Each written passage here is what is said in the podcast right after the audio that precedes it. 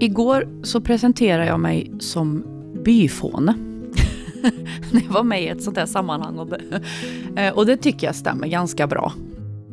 Lisa Hjärt säger att hon är en byfåne och hon säger det med stolthet. Stolthet över att vara en del av Värmskog som enligt invånarnas egen devis är världens bästa by. Det här är Bygdefolk, en podcast från Studieförbundet Vuxenskolan i Värmland. Det här avsnittet handlar om Värmskog, ett folk och en bygd två mil nordväst om Grums. Men säg inte att det är skitunger här idag igen! Det är lunchtid i bygdens skola. Pyttipanna står på matsedeln idag. Lisa Hjärt har under det här året lett projektet Hållbara Värmskog med utgångspunkt Agenda 2030. Det är ett uppdrag från Region Värmland. Agenda 2030 det är ett globalt ramverk som FN tagit fram. Det handlar om hur världen ska utvecklas för att bli mer hållbar.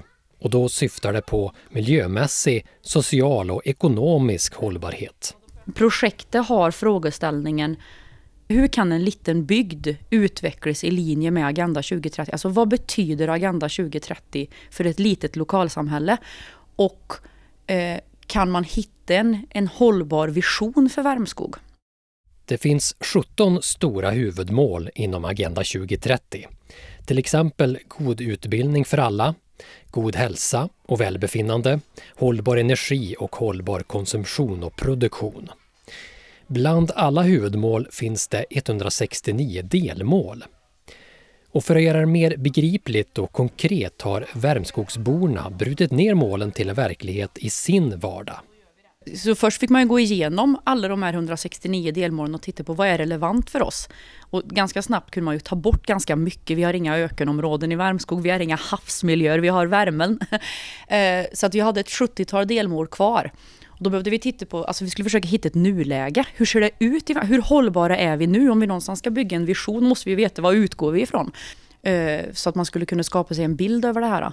Eh, så gjorde vi en bedömning på varje delmål. Hur vi ligger till just nu och fick fram ett nuläge. Vi har ju fått in under projektet har vi fått in förslag alltså som Värmskogsbora. Det här har vi behov av, det här ser vi är viktigt för oss. Vad kan det vara till exempel?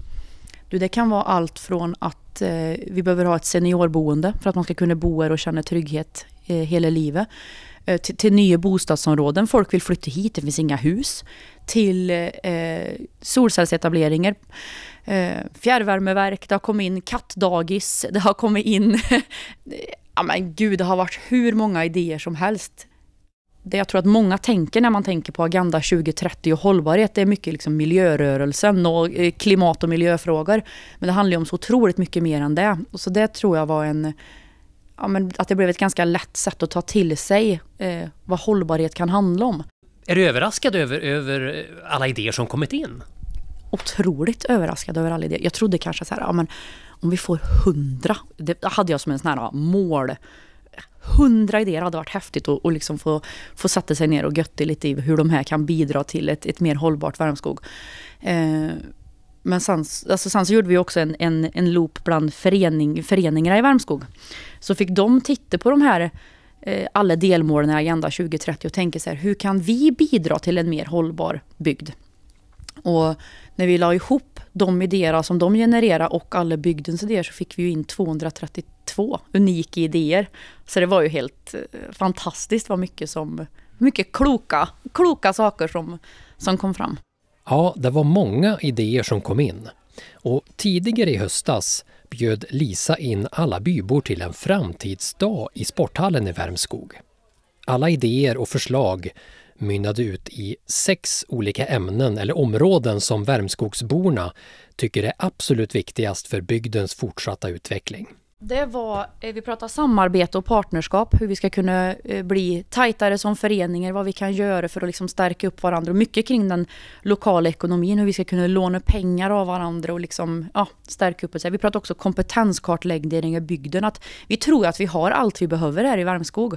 Om vi, om vi nu tänker att vi ska liksom skrida till verket Eh, för det är ju liksom målet med det här också, att inte bara ta fram en modell för hur man kan jobba med hållbarhetsfrågor på landsbygden, utan jag vill ju också att det här, den här visionen som vi nu ska bygga, att den ska förverkligas också, eller delar av den i alla fall. Och då handlar det om att vi måste titta brett, vi måste engagera människor i bygden och då är det ju fantastiskt om man kan se till att kartlägga vad har vi för kompetenser här och om det så ska utvecklas en, en app eller om det ska byggas ett seniorboende så, så behövs det ju en väldigt bred kunskap kring olika saker och då är det ju eh, kul att kunna ha liksom ha en liten kunskapsbank eh, lokalt så.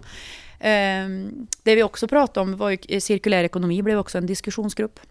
Där vi pratade eh, hur vi kan stärka eh, företagandet. Vi pratar livsmedelsproduktion, rekoringar, plattformar för att förenkla köp och sälj mellan personer här. Eh, vi har väldigt många företag i Värmskog som har ett väldigt brett utbud men vi, vi når inte ut på något sätt. Så vi pratar om sådana saker också. Vi har en väldigt hög liksom, socialt kapital här i Värmskog, men det vi ligger lågt på det är just det här äh, svårigheter, äh, alltså den ekonomiska hållbarheten. Den är svår. Alltså det, vi, det finns mycket vi skulle vilja göra här och som skulle vara bra för det, men hur får man loss kapital och hur kan man finansiera vissa av de här satsningarna? Det är svårt och, och många saker är ju alltså politiska. I skolmatsalen sitter Värmskogsbon Dag Hallén Även han är engagerad i bygden, bland annat som ordförande för Fiberföreningen.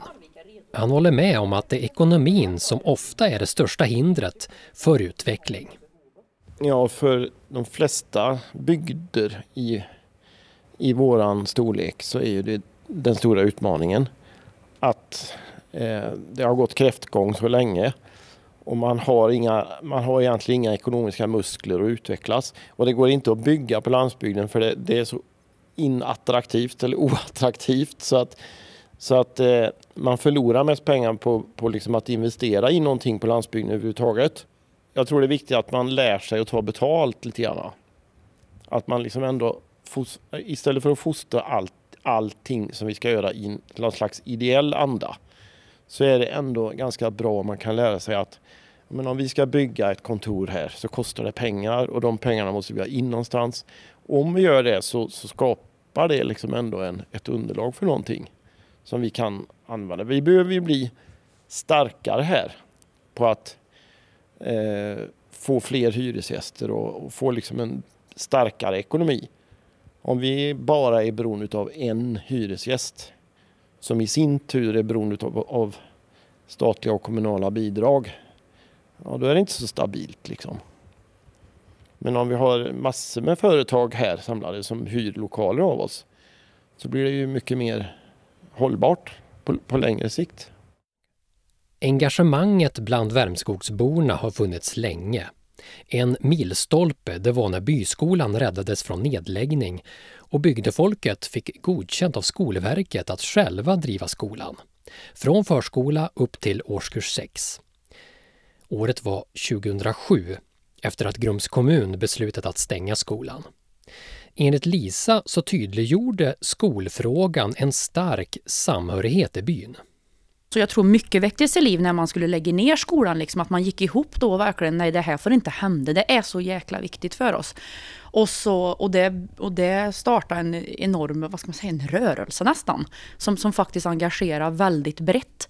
Eh, och, och sen har man redit vidare på den vågen. Eh, och, och det någonstans har jag lockats av. Jag vill också vara med och, och bidra till att den här platsen ska vara eh, ett, ett gött ställe att bo på. Det sa Lisa Hjärt, projektledare för Hållbara Värmskog. Hon är delaktig i det mesta som rör Värmskog. Bland annat har hon en podd, Värmskogspodden, som är en del av projektet Hållbara Värmskog. Den podden vill jag verkligen rekommendera. Finns där poddar finns och det gör ju den här podden också. Bygdefolk det är en podcast från Studieförbundet Vuxenskolan i Värmland och nästa avsnitt handlar om Långsrud en plats, en bygd som har likheter med Värmskog. Gillar du podden Bygdefolk? Ja, då är jag tacksam om du delar och tipsar andra. Och prenumerera så missar du inte några avsnitt. Jag säger på återhörande. Kul att du lyssnar!